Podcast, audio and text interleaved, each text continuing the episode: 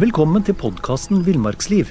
Mitt navn er Knut Brevik, eh, og jeg er redaktør i bladene Villmarksliv, Jakt og Alt om fiske. I dag skal vi snakke om kvinnelig polarheltinner og forfatter Sigrid Sandberg, som har skrevet boka Polarheltinner. Eh, nærmere bestemt syv polarheltinner. Og det måtte en kvinne til for å skrive en bok om, eh, om kvinnelige polarhelter, Sigrid? Ikke nødvendigvis, har jeg tenkt, da. Eh, det er jo mange menn som har skrevet om kvinner, og kvinner som har skrevet om menn, og Men um, akkurat denne måtte det jo en kvinne til å skrive, da. Hva, hva, var det som fikk deg til å, å, å, Denne boka kom jo i 2012, det får vi nevne, men den er utgitt i flere opplag og er fremdeles å få, få tak i. Hva var det som fikk deg til å sette i gang med prosjektet? Det var jo kanskje det at jeg, at jeg sjøl eh, bodde på Svalbard. Eh, og det var jo Jeg eh, hadde jo et litt sånn ambivalent forhold til hele polarhistorien, egentlig, må jeg jo innrømme. Det var jo masse mannfolk der, og de var veldig tøffe og barske, og, og jeg var litt sånn ja, ja, ja, nå må dere slutte og Det kunne holde på litt der i fortiden for meg, da, med de iskalde, forferdelige bragdene sine. Men jeg flyttet til Svalbard, så var jeg liksom nødt til å forholde meg til det på en helt annen måte, og jeg skjønte liksom historien med, og så dukket jo plutselig en og en kvinne opp, da. Eh, som jeg liksom syns hadde noe annet å fortelle. Eh, og det fascinerte meg veldig.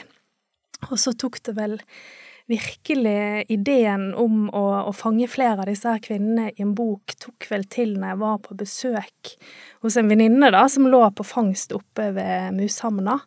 Eller på Mushamna, en sånn fangststasjon på, oppe på nordvesthjørnet. Var det den som Kjell Reidar eh, Ja, faktisk. Ja, ja det er Hovelsrud sin gamle hytte. Og den er jo stengt for fangst nå, men, men den gangen så var den, var den, åpen, da, og man kunne søke om å få være der et år i slengen. Eh, så da var jeg på besøk der oppe, og så, eh, og så gikk meg og hun venninna mi vi gikk på skitur oppover mot Gråhuken, da. Der hvor en av disse kvinnene skriver om overvintret ett år med, med, sin mann, da, i 1934. Og da fikk jeg høre den historien, og fikk høre om denne her dama, Christiane Ritter, som var en kunstnerdame fra, fra Bøhmen, og hvordan hun opplevde det året der i Arktis. Og jeg ble helt slått i bakken over hvor annerledes denne fortellingen var enn alt det andre jeg hadde hørt. Og så tenkte jeg kanskje det finnes flere kvinner, og kanskje de har noe annet å fortelle oss, og kan liksom utvide den historien vi kjenner fra før. da. Mm. Eh, så der begynte egentlig prosjektet. Men, men, du, la oss ta Christiane Ritter med en gang. Det er jo en litt sånn annerledes Det er en annerledes polarhistorie. Absolutt. Og en annerledes polarhelt. Absolutt. Absolutt. Og, og, hvorfor er hun en helt? Og det er jo også litt sånn jeg bruker dette polarheltinnebegrepet. Litt sånn fordi at folk skal få lov å undre seg litt over disse begrepene òg. Hva er egentlig en helt, og hva er en heltinne, og hvem er det som skal få lov å definere det, liksom? Det kommer jo an på, helt an på hvem som snakker, og hvem som spør, og, og hva, man, eh, hva, man, legger i en bragd, på en måte, da. Eh, men jeg tenker jo liksom det der å, å dra fra Altså, hun var jo malerinne, sant, og så, var mannen fangstmann på Svalbard, og han skrev brev til henne og sa at du må komme og være her med meg et år i Arktis, og hun bare nei, nei, nei, sant, hun hadde det jo så bra der nede i Europa og malte, og, og de hadde jo en liten datter, og men så skrev han bare flere og flere brev, og til slutt så lot hun seg overtale, da. Og pakket snippsekken og malerkoster og, og kamelhårsundertøy. Kamelhårsundertøy? Det er jo flott! Og dro av sted, da. Og så ble det jo bare, sant Og båt var det jo den gangen, sant. Oppover hele kysten og nordover og nordover og nordover.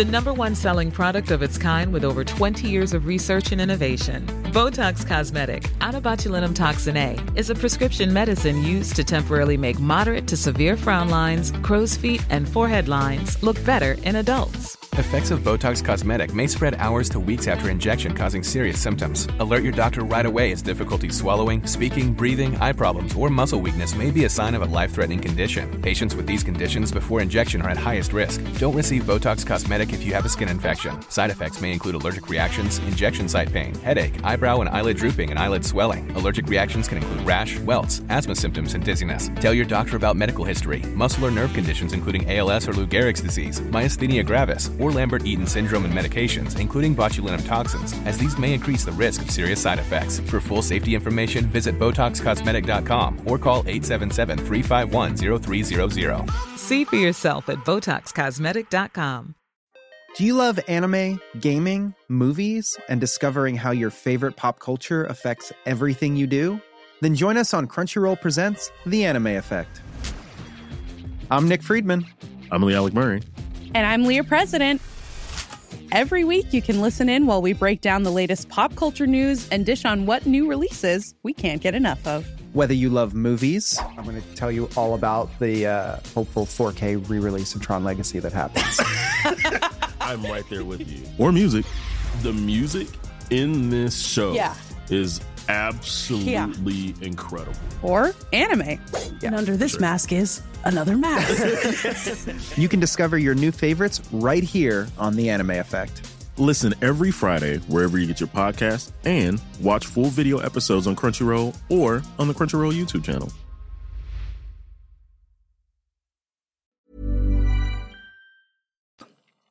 Og så kommer hun til slutt, da.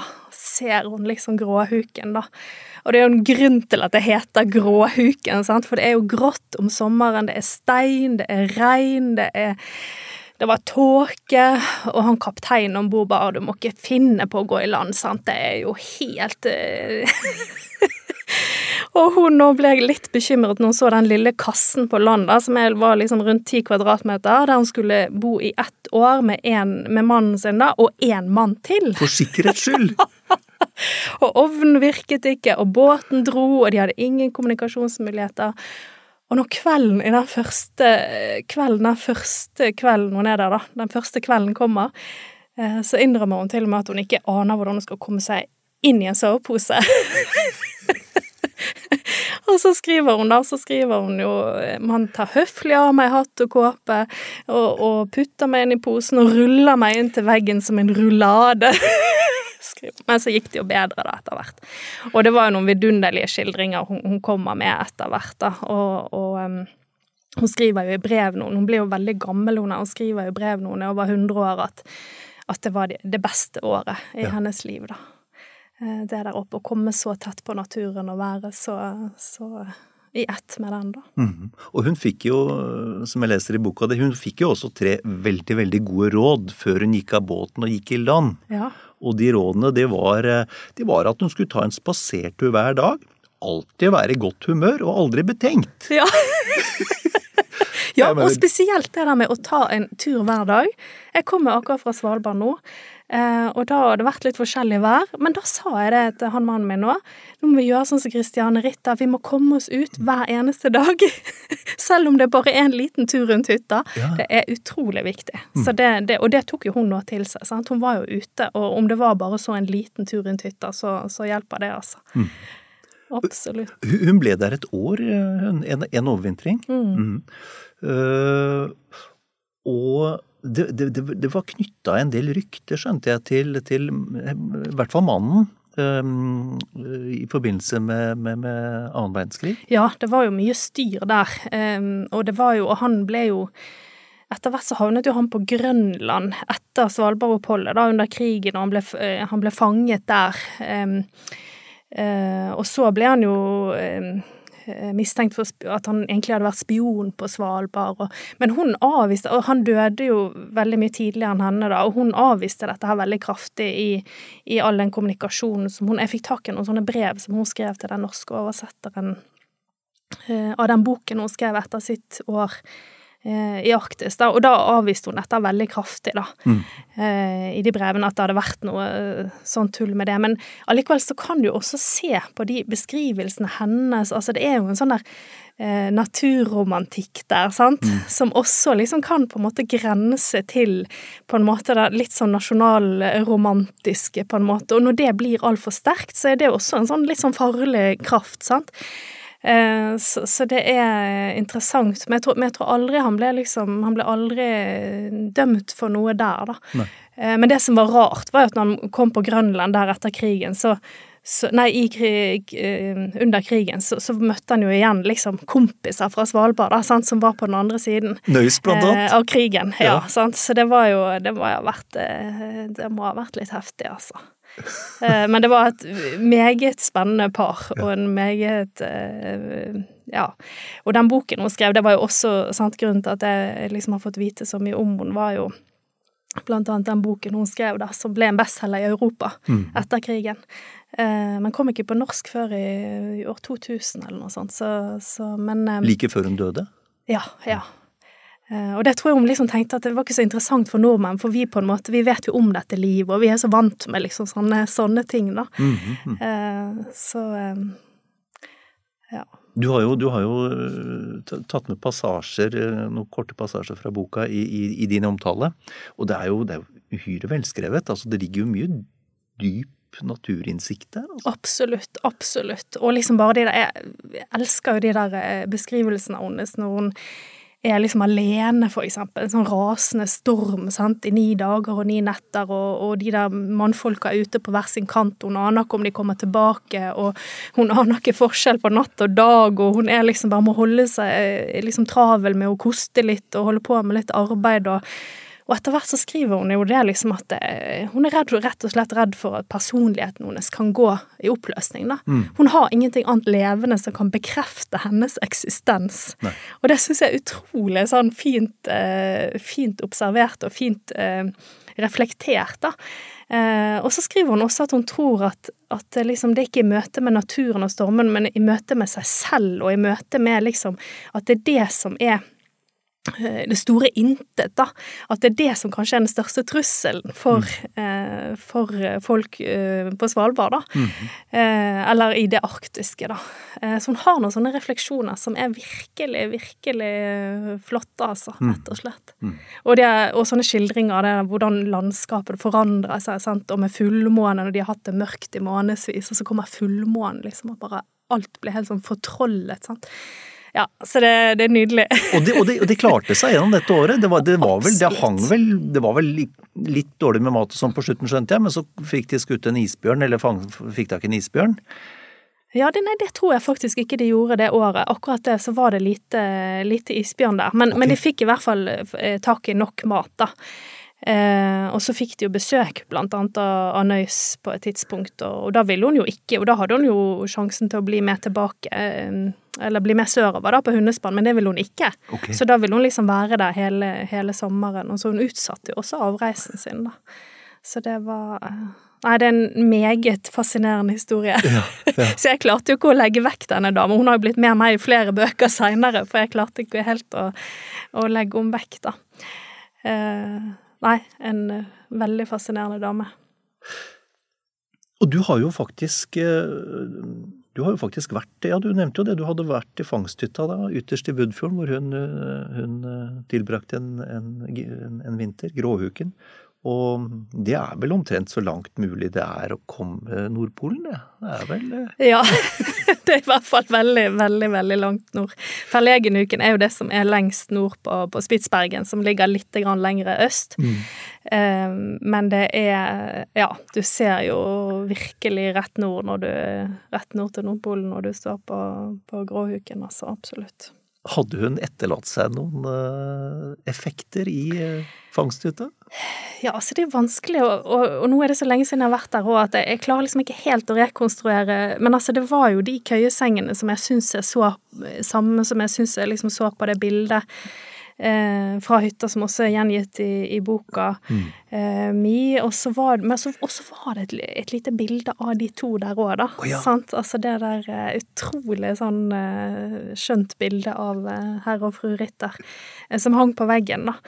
Um, så det var, det var virkelig liksom lett å leve seg inn i, i historiene når man er på en måte på de plassene, da. Ja, ja, ja på en helt annen måte enn når du sitter, sitter hjemme og, og, leser om det. Selvfølgelig. Du, en, en, som, en, som, ikke klarte seg så bra, det er jo en, egentlig, ikke, ikke, egentlig, det er en veldig trist historie. Det er, det er jo fortellingen om Ellen Dorthea Nøys. Um, Hun, hun ble jo gift og, og overvintra sammen med fangstlegenden Hilmar Nøys. Det er vel han som uh, topper antall overvintringer. 38 overvintringer.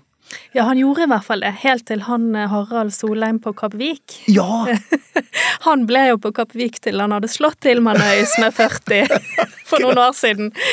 Uh, så han, men han er jo virkelig en som Selvfølgelig en av de som står igjen i historien med med så mange overvintringer. Ja. Um, og, men som jeg har vært inne på, det er, det er jo en trist historie. Uh, og i 1921 så, så overvintrer hun jo da sammen med Hilmar Nøys, og, og hun føder en gutt alene, hun. Hva, hva er historien rundt det? Ja, altså hun er jo en av disse her. Sant? Jeg har jo skrevet om, liksom, sant? Jeg har jo skrevet om eh, den første eh, fangstkvinnen, sant? Vanni Volstad, som var jo supertøff, og hun her Christiane Ritter, som var liksom poetisk, og, eh, og en forsker her. Og, og, så er det Ellen Dorthea, da, som ikke liksom reiser nordover, verken av eventyrlyst eller spenning eller noe som helst, men rett og slett av ren nødvendighet. da. Mm. For hun syns at det blir for lite ut igjen av uh, mannen sine, sine fangstekspedisjoner. da, Hun vil være med og hjelpe til. Ja, så, så, det er et sånt økonomisk motiv her? Ja, rett og altså. slett. Rett og slett. Uh, og så blir hun med, og etterlater jo den ene datteren deres på, på fastlandet hos, hos, besteforeldrene, som veldig mange av disse kvinnene gjorde, da. Eh, og etterlot ungene sine. Eh, og så blir hun med, men så blir hun ganske raskt eh, gravid, og så er det jo et tøft liv ute i en eh, fangsthytte der uten noe kontakt med, med, noen som helst, eller i hvert fall veldig sjelden.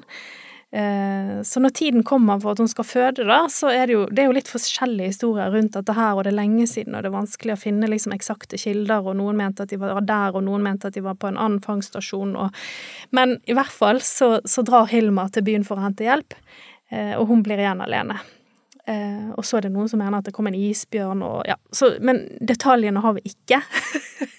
men vi vet at hun fødte en gutt helt alene i, i en fangsthytte, og at han ble hetende Kaps. Eh, og det ble en meget hard påkjenning. Mm. Eh, hun reiste jo ned igjen eh, etter den eh, etter den hendelsen. Dette var jo i juni, så hun dro ned igjen om sommeren. Og så kom hun jo opp igjen etter et par år sammen med han Kaps. Og da gikk det virkelig ille, da. Da, da fikk hun noe anfall og, eh, som gjorde at eh, hun også måtte sendes ned. Eh, og etter det så, så eh, levde hun eh, rett og slett resten av livet sitt på institusjoner. Mm. Eh, og som de sa i gamle dager, det var noe med nervene. det var vel det de hadde som diagnose. Mm. Noe med nervene. Så, så, i denne her eh, boka her så prøver jeg å finne ut Og jeg oppsøker gamle naboer og slektninger, og også da eh, barnebarnet. Eh, altså sønnen til han Kapp som ble født der oppe, da. Og han forteller, og dette her, det har jo ikke vært mye snakk om, sant, for det er jo en litt sånn eh, touchy historie, og man snakket jo lite om den slags i gamle dager. Mm. Eh, men det som kommer frem, er jo at alle har en sånn stor forståelse av at det der å føde en unge helt alene, altså milevis fra, fra folk og et hav under sivilisasjonen, mm. at det er en bragd. Å greie å ta vare på den ungen, det er en mm. bragd. Men så, så hva skjer liksom etterpå, sant? Noen ikke snakker om det sjøl, når ingen andre snakker om det. Eh, og hun kanskje ikke liker seg der oppe. Hva skjer med liksom de historiene, de som snur og reiser ned, da? Det var det jeg tenkte at var litt interessant med denne historien her, da. Jeg ble veldig, veldig fascinert av det. Og også fordi at han Hilmar Nøys på en måte så tar i etterkant tar så stor avstand fra, fra både det ekteskapet og og alt som skjedde, at han til og med liksom, når han skal redigere dagbøkene sine på 70-tallet og skriver de inn på, på maskin, så, så, sletter han jo hele mm. henne. Altså hun Ellen Dorthea er ikke nevnt med et eneste ord i de redigerte dagbøkene. Og fødselen er også fjernet, eller i hvert fall ikke omtalt? Ja ja, nei da, helt, helt borte. Så jeg finner jo noen av de originaldagbøkene og klarer å liksom å rekonstruere noe av historien der. Um, og så finner jeg jo også ut kanskje at det er den han De blir jo skilt, disse her. Um, og så gifter han seg jo på nytt. Uh, og den nye konen, det, hun har jo kanskje også hatt en finger med i spillet med å, stryke ut uh, eksen, da. uh, og hun har jo på en måte fått had, var jo, Før jeg begynte med dette, så var det jo hun som på en måte hadde den rollen som hans kone, og som den um, og som var sant, veldig vellykket, var med på mange av hans overvintringer og skapte et hjem der på Fredheim, da, det nye huset som de bygde der, og med duker og gardiner og, og, men den historien var såpass kjent at jeg hadde eh, heller lyst til å ta med eh, den mm. første kona da, i dette prosjektet her.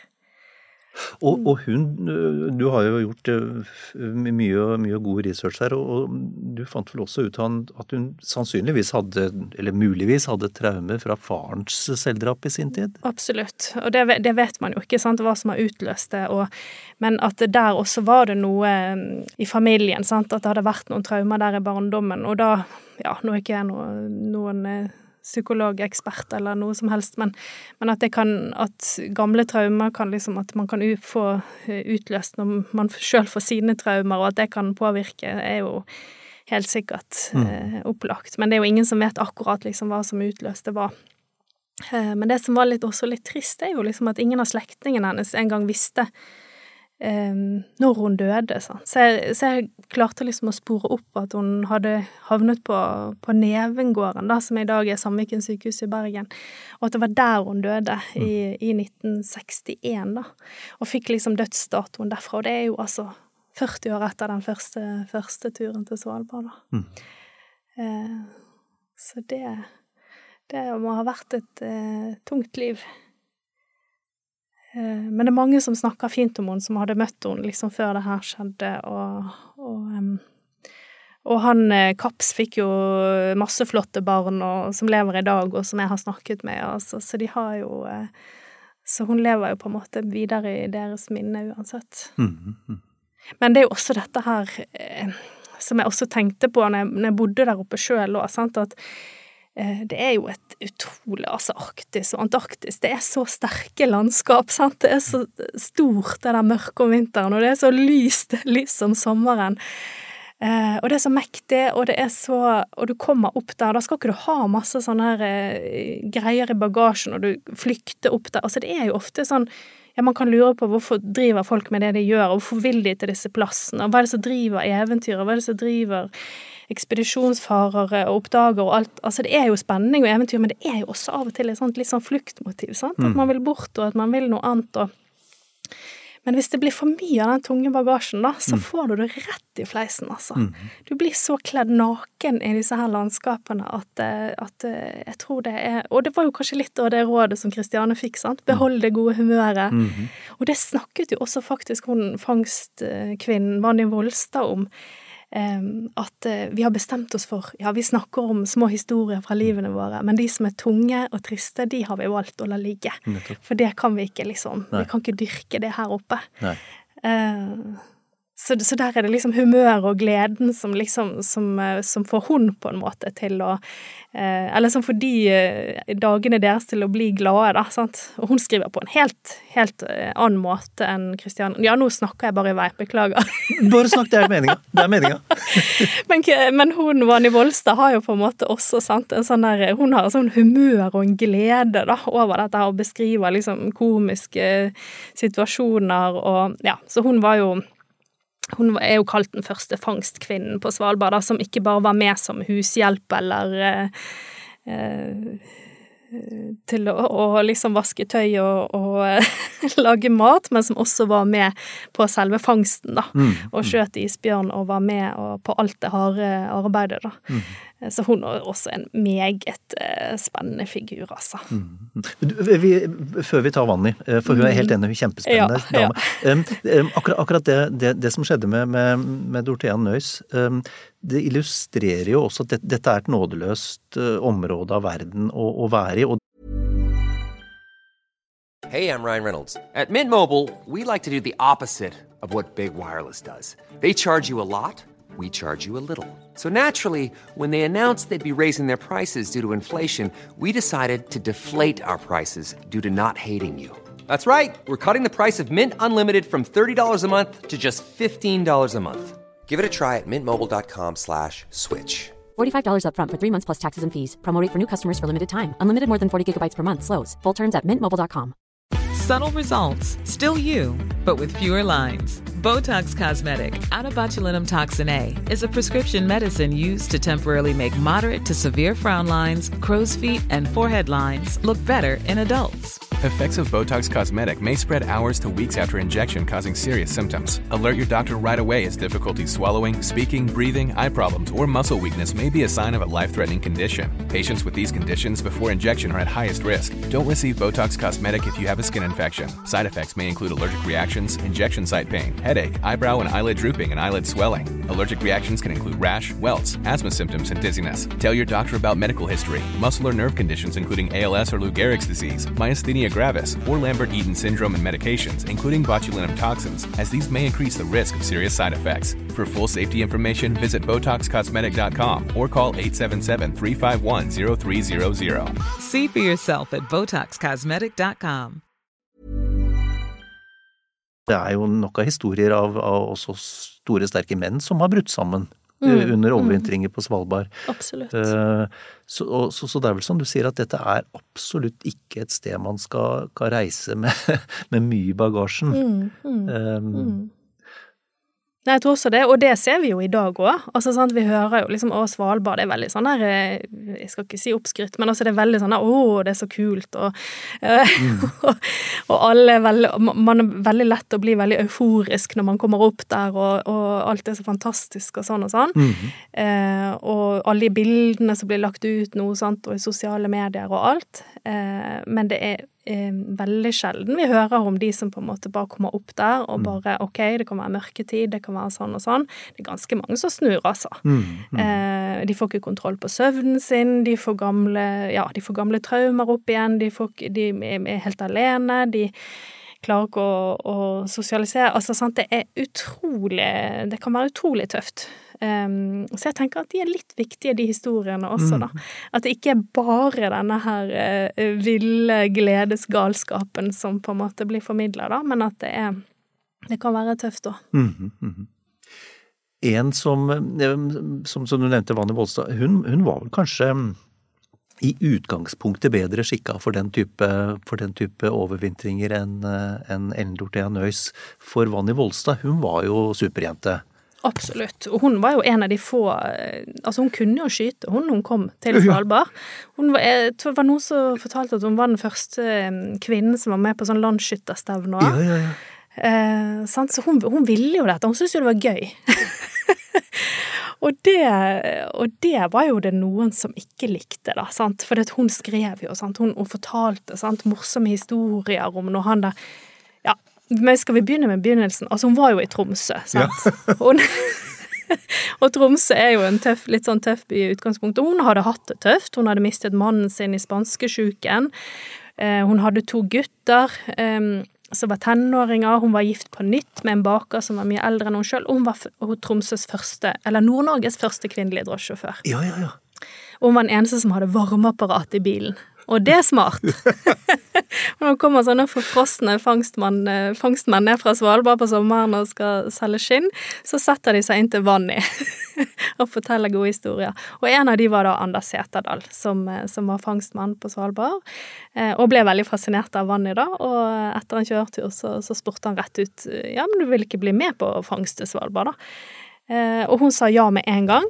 Eh, Så på fire dager da, så ble hun forvandlet fra denne drosjesjåføren til eh, fangst, første fangstkvinnen og um, elskerinne da på Svalbard, for de var jo gift begge to, faktisk. Eh, Så skilte de seg da etter hvert på hver sin kant, og ble forlovet de to, da.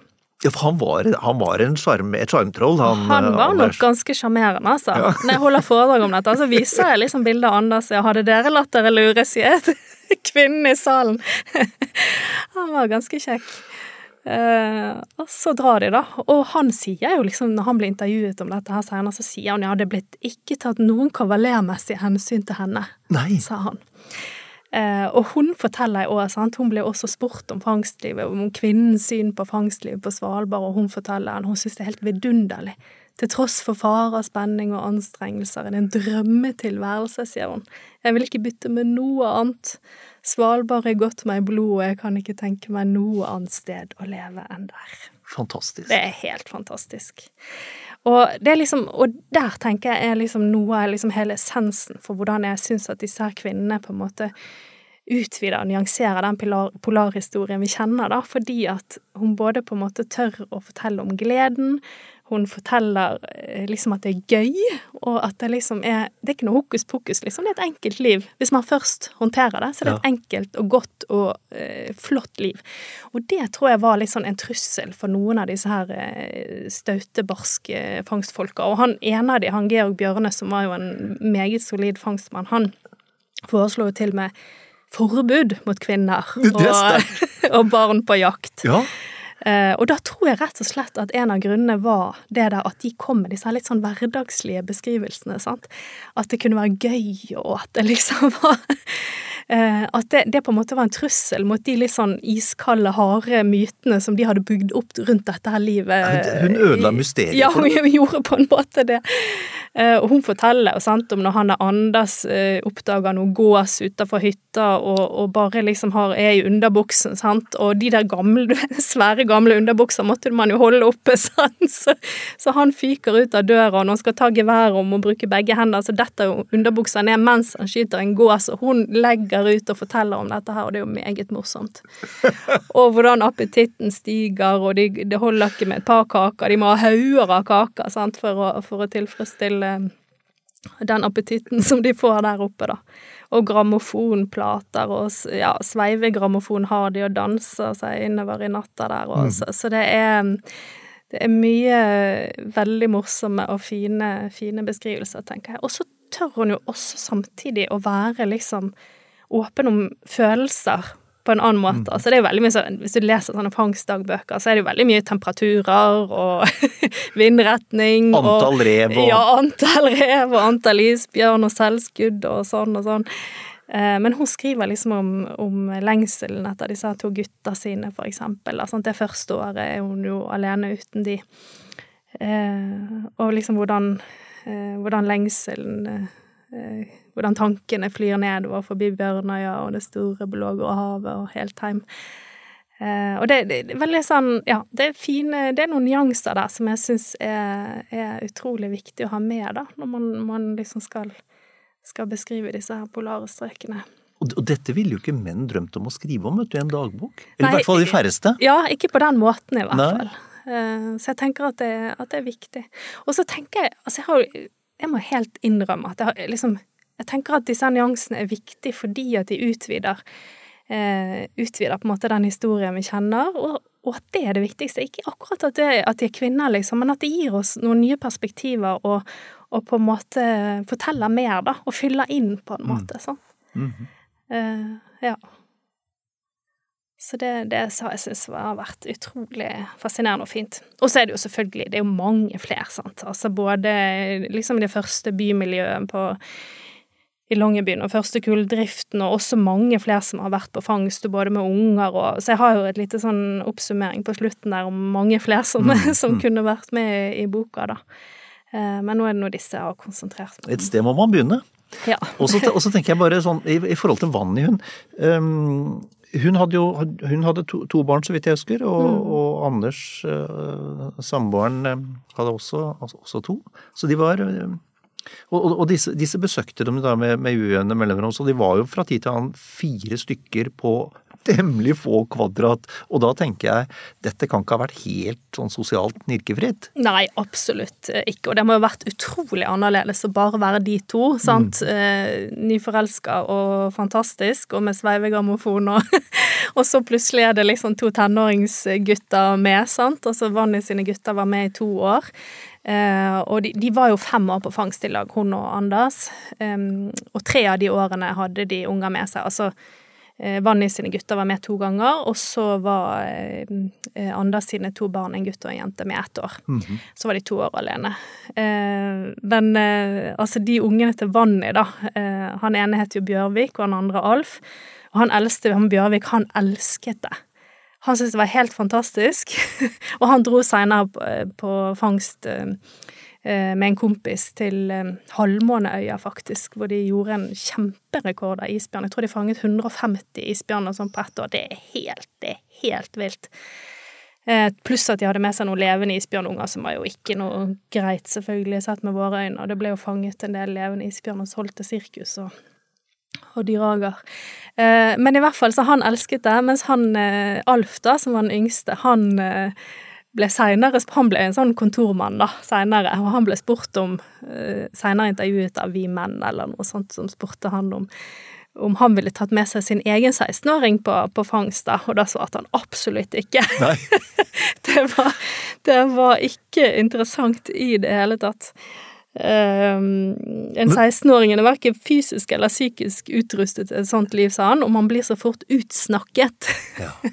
og det kan man jo sant? Hva skal man snakke om, liksom? Mm. Det er jo uh, og akkurat overvintring eller ei på Svalbard, det vil, jeg, det vil, jeg, tenke er sånn veldig veldig binært. Enten så, enten så syns du det er kjempefint, eller så syns du ikke det er fint. Ja, sant. Det er ikke noe mellomting Nei, der. Nei, det det er nok uh, sant, det, altså. Men, eh, men hun, hun Vanni skrev også glimrende. Absolutt. Absolutt. Hun skrev jo, hun skrev også en bok, hun første kvinne som, fang, som fangstmann på Svalbard. Mm -hmm. Hvordan er, hvordan er, den boka, eh, hvis du ser den mot mannlige forfatteres skildringer? Fra ja, nei, det er jo litt sånn som jeg, eh, jeg prøvde å si, at er, hun skriver liksom all den der om humoren og i alt dette morsomme som skjer, og hun mm. skriver at det er et enkelt og godt liv, og, og, det, og det, tenker jeg jo også altså, i forhold til Altså, disse her var jo ugifte, sant? Eh, altså, det er jo også en sånn slags eh, Og du kan tenke deg, altså, på den tiden der, det var jo eh, litt sånn uhørt, på en måte. Sant? At kvinner forlater liksom unger og, og drar av sted. Og, men altså, Svalbard var liksom friområde, på en måte, sant? for denne lovens lange arm og moralen og alt dette her. Der kunne de leve sammen, liksom, sant? selv om de mm. ikke var gift, eller mm. um, Så det var jo på en måte en litt sånn der eh, flukt fra de trange samfunnsbåsene som, som, på en måte var skapt på, på, på fastlandet òg, da. Sant? Et fritt liv på så, så mange måter, egentlig, da. Det var ikke noe bygdedyr der? Nei, det var jo ikke det. Det var de to som var der, liksom. Sånn. Og det tror jeg Ja, det kan jeg tenke meg at var helt, helt vidunderlig. Mm. Mm. Eh, og så var det på en måte, det var godtatt, på en måte, for det var en jobb, og det var en mulighet til å tjene penger. Det var, det var tøffe tider i, i, i Norge, sant. Mm. Det var mye fattigdom, og, eh, og det var en mulighet Altså, hvis fangsten var god og, og og prisene var gode når de kom ned igjen til Tromsø, så, så kunne det bli en del penger ut av det òg, da. Mm. Mm. Så det kan jeg tenke meg var helt, eh, helt magisk. Og så var hun jo dyktig, sant. Hun var jo dyktig på å lage mat, hun var dyktig på å være på jakt. Hun høres ut som hun er morsom. Mm. så jeg kan tenke meg at det der har vært Og det, og det klarer hun også liksom å gjengi i, i denne her boka her, da. Og veldig sterk. Ja, veldig sterk. Veldig sterk. Og ror jo, sant, og forteller om disse her turene med, hvor de ror til disse bistasjonene som ligger noen mil unna, sant, og med fullastede båter og litt vind og Altså, det er, det er harde tak, altså. Eh, og så er jo liksom ironien den der at hun, hun drev og skrev på en bok til da når hun, når hun døde, og ironien er jo liksom at hun, hun var der oppe og, og overlevde så mye farer og anstrengelser og alt dette her. Og så ble hun påkjørt av en bil, da, mm. i eh, litt for uh, ung alder seinere. Så hun fikk aldri fullført noen flere bøker. For det forlaget som, som hadde tatt imot denne første boka, ville jo gjerne at hun skulle skrive flere bøker, da. Mm. Uh, men det fins et sånn upublisert manus som jeg fikk lov å bla i, da. Som forteller litt mer om oppveksten hennes og, og hvor hun egentlig kom fra, da. Og litt av grunnen til at hun har blitt den hun har blitt, da. Sterk og, og tøff. Eh, så det var veldig interessant å lese. Mm. Og hva var, hva var, holdt jeg på å si korte trekk, hva var grunnen til at hun hadde blitt det hun hadde blitt? Nei, altså hun har jo Altså faren døde på havet. Og så ble hun eh, Så var moren tvunget til å, å gi, gi henne vekk, rett og slett. Og vokste opp en, som adoptiv datter. Og så har hun jo liksom mye kraft og lek i seg, sånn. så du ser jo det allerede på sånne skildringer liksom fra barndommen og sånn, så, så hun, driver hun med mye tull og tøys og liksom klarer, klarer seg, da, sant. Eh, og blir jo satt i arbeid og, og alt dette her.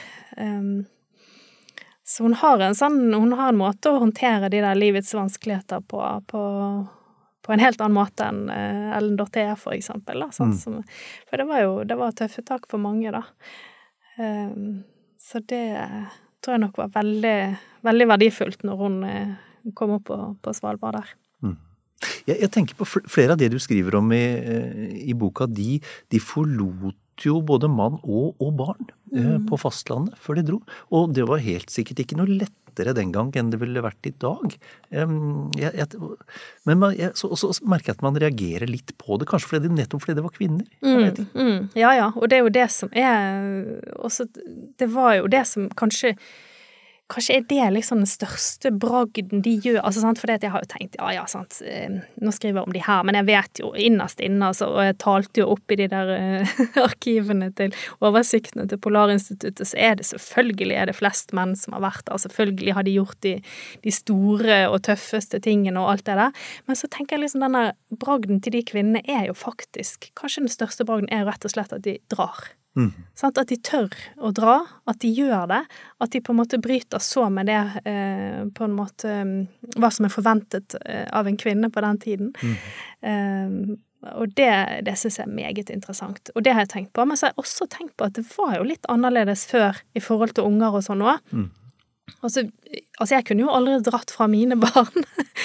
Men før så var det jo sånn ok, hadde du noen unger for mye, eller hadde du Så kunne du jo mm. liksom bo borte hos tante en stund, eller vokse opp litt hos bestemor, eller Altså det var jo litt sånn Det var litt mer sånn friere flyt på de tingene der før òg. Og litt hardere himmel. ja. og så døde noen unger, så laget du noen til, og så mm. Sant, det var jo litt Det var det var et helt annet landskap å vokse opp i, da. Som, sant, vi kan ikke se det kun med våre øyne, da. Eh, så det er jo eh, men, eh, men det, sant, så det er jo Hvor mange var det da som var med? Jeg tror jeg hadde skrevet det en plass Altså mellom Fordi fangsten Norske fangst Det var jo russerne som dro aller først på overvintringsfangst til Svalbard, og så kom og så kom nordmennene da på slutten av 1800-tallet. Mm. Eh, så jeg har 357 norske overvintrere mellom 1898 og 1941. Så var det 27 kvinner med på fangst. Så det er jo ikke mange. Nei. Altså 27 eh, av 357. Mm. Eh, men det er noen virkelig tøffaser inni der, altså. Mm. Absolutt. Fantastisk bok, Sigrid Polaraltin. Altså, polarheltinner. Og det er, jo, det er jo ikke bare, det er jo ikke bare mm, kvinnelige polarhelter som har gått ut av tiden du skriver om. Det er jo, du skriver om Cecilie Skog, Liv Arnesen og, og ikke minst Monica Christensen. Men, men, hvis du holdt jeg på å si, det er jo knallhardt. Det er jo, det er jo sterke historier alle disse kvinnene mm, har bidratt med inn i boka. Men hvis du skulle peke på én, hvem av disse syns du er hvis du skulle være nødt til å peke på én! ja. ja. jeg syns det er helt, helt umulig. Uh, og nå har vi jo snakket om, om disse her eldre kvinnene, da. Uh, men det er jo én vi ikke har snakket om, og det er Hanna Resvold Holmsen, som ble regnet som å være den første kvinnelige forskeren på Svalbard. Mm -hmm. Så kanskje jeg kan si hun, så får jeg bare si et par setninger om hun nå, for hun jo, ble jo satt i land på Svalbard i 1907. Hun er den første eldste kvinnen jeg har med. Og dette er jo seks år før kvinner får stemmerett i Norge. Mm. Og da blir hun altså satt i land helt alene på, på sørvestkysten av Spitsbergen med bare en botanikerkasse. Hun er botaniker, eh, og med, hun har med seg et telt. Eh, og hun får utdelt en Krage Jørgensen-rifle og må klare seg sjøl. og vandrer i ukevis og dagevis alene. Eh, og har ingen kommunikasjonsutstyr, absolutt ingenting. Hun skal samle og sortere blomster og være med og kartlegge floraen på Svalbard, og er med på de vitenskapelige ekspedisjonene som faktisk gjør at Norge får suvereniteten over Svalbard, som er jo veldig viktig for oss i dag. Um, og hun har også en sånn Hun har noen tanker om Svalbard og en sånn formidlingsevne og en, en sånn tanke om dette. Eh, hun ble jo også kalt Norges første grønnstrømpe, og har sånn, noen tanker om urørt natur som var eh, veldig moderne på den tiden. Altså Vi kan tenke at i dag at hun er på en måte helt inne i den der tankegangen som mange har i dag, men hun var veldig tidlig ute. Mm. var på en måte urør, Hvor viktig det er med urørt natur, og hva det gjør med sjelen. Så, så, hun har på en måte en litt sånn høyere himmel over, over sin virksomhet, som jeg liker veldig, veldig godt. Mm. Og, hvordan endte hennes eventyr på, på Svalbard? Nei, altså Hun hadde jo også en litt sånn Hun dro fra Hun hadde skilt seg, og var også veldig uvanlig på den tiden. Og dro fra mann og barn i, i Østerdalen, da, og så dro hun opp dit. Og så traff hun en ny mann der, da, som hun, eh, som hun ble gift med, eh, og fikk et barn til. Um, og skrev jo også da reisebrev da, til, eh, til Aftenposten fra, fra Svalbard disse somrene hun var der. da. Og etter det så reiste hun jo også veldig mye rundt eh, i fjellområder i Norge og samlet blomster. Og ja, hun, hun var en, eh, hun var en, en betydelig forsker. Eh, Lynintelligent, skjønte jeg. og- Lynintelligent. Eh, og sammen med sin søster, så, så, som også holdt på med dette her, så var jo de pionerer i, eh, i, eh, på dette feltet i Norge, da. Mm. Så utrolig fascinerende dame, hun òg. Du, du, du bor jo eh, delvis på, på Svalbard. Um, Eller jeg, driver, jeg, reiser, jeg bodde der i, fast i åtte år, og så de siste eh, ti årene så har jeg drevet og pendlet litt opp og ned. ja. Ja. Du, du skjønner med andre ord veldig godt den fascinasjonen disse kvinnene må ha følt da de, da de kom til Svalbard. Og, Ja, altså alle har jo liksom sin motivasjon og, og på en måte sine beveggrunner for å både dra og være der og, og reise ned igjen og alt, men Og det er jo ikke alltid det er like lett å skjønne, så, så jeg tenker jo ofte at ja, jeg lurer Hva var det som drev det? Altså, det er en sånn Det er ikke sikkert det går an å forklare det helt sånn med ord alltid heller, at, men, men at eh, hun Kari Bremnes har jo laget en sang om vann i Volstad, faktisk, og der skriver hun en sånn setning eh, 'Jeg kan ikke forklare min lengsel, jeg veit bare at den er sann'. Så det er jo liksom et forsøk på å forklare det eh, ved å skrive, da, eller jeg prøver å forstå ting med å skrive, men om jeg noen gang kommer frem til sånn entydig svar, det tror jeg ikke. men det går an å, å angripe det fra forskjellige vinkler, da. Men altså, som vi har snakket om, det er jo noe med det der enorme lyset, med det totale mørket, med den store naturen, eh, som virkelig berører sjelen, da. og så må man, også skjerper man seg litt når man er der. Absolutt. Det er ikke så store tabbekvoten. Det er mange farer. Ja. Absolutt. Så han Arno Holm, som, eh, som var jo redaktør i Svalbardposten i mange år og har skrevet mye om nord, han har jo formulert noe sånn som altså, altså den der kombinasjonen mellom det der eh, at det er så utrolig vakkert, da, og så farlig, at det kan liksom skape et sånt begjær, da, som er Som gjør at man blir på en måte litt sånn fanga, da, for det er så sterkt. Eh, og det Jeg tror det er noe der. Fantastisk bok i hvert fall. eh, 'Polarheltinner'. Sigrid Sandberg. Boka er fremdeles å få tak i. Tusen takk for en hyggelig prat. Takk det samme. Takk for at jeg fikk komme.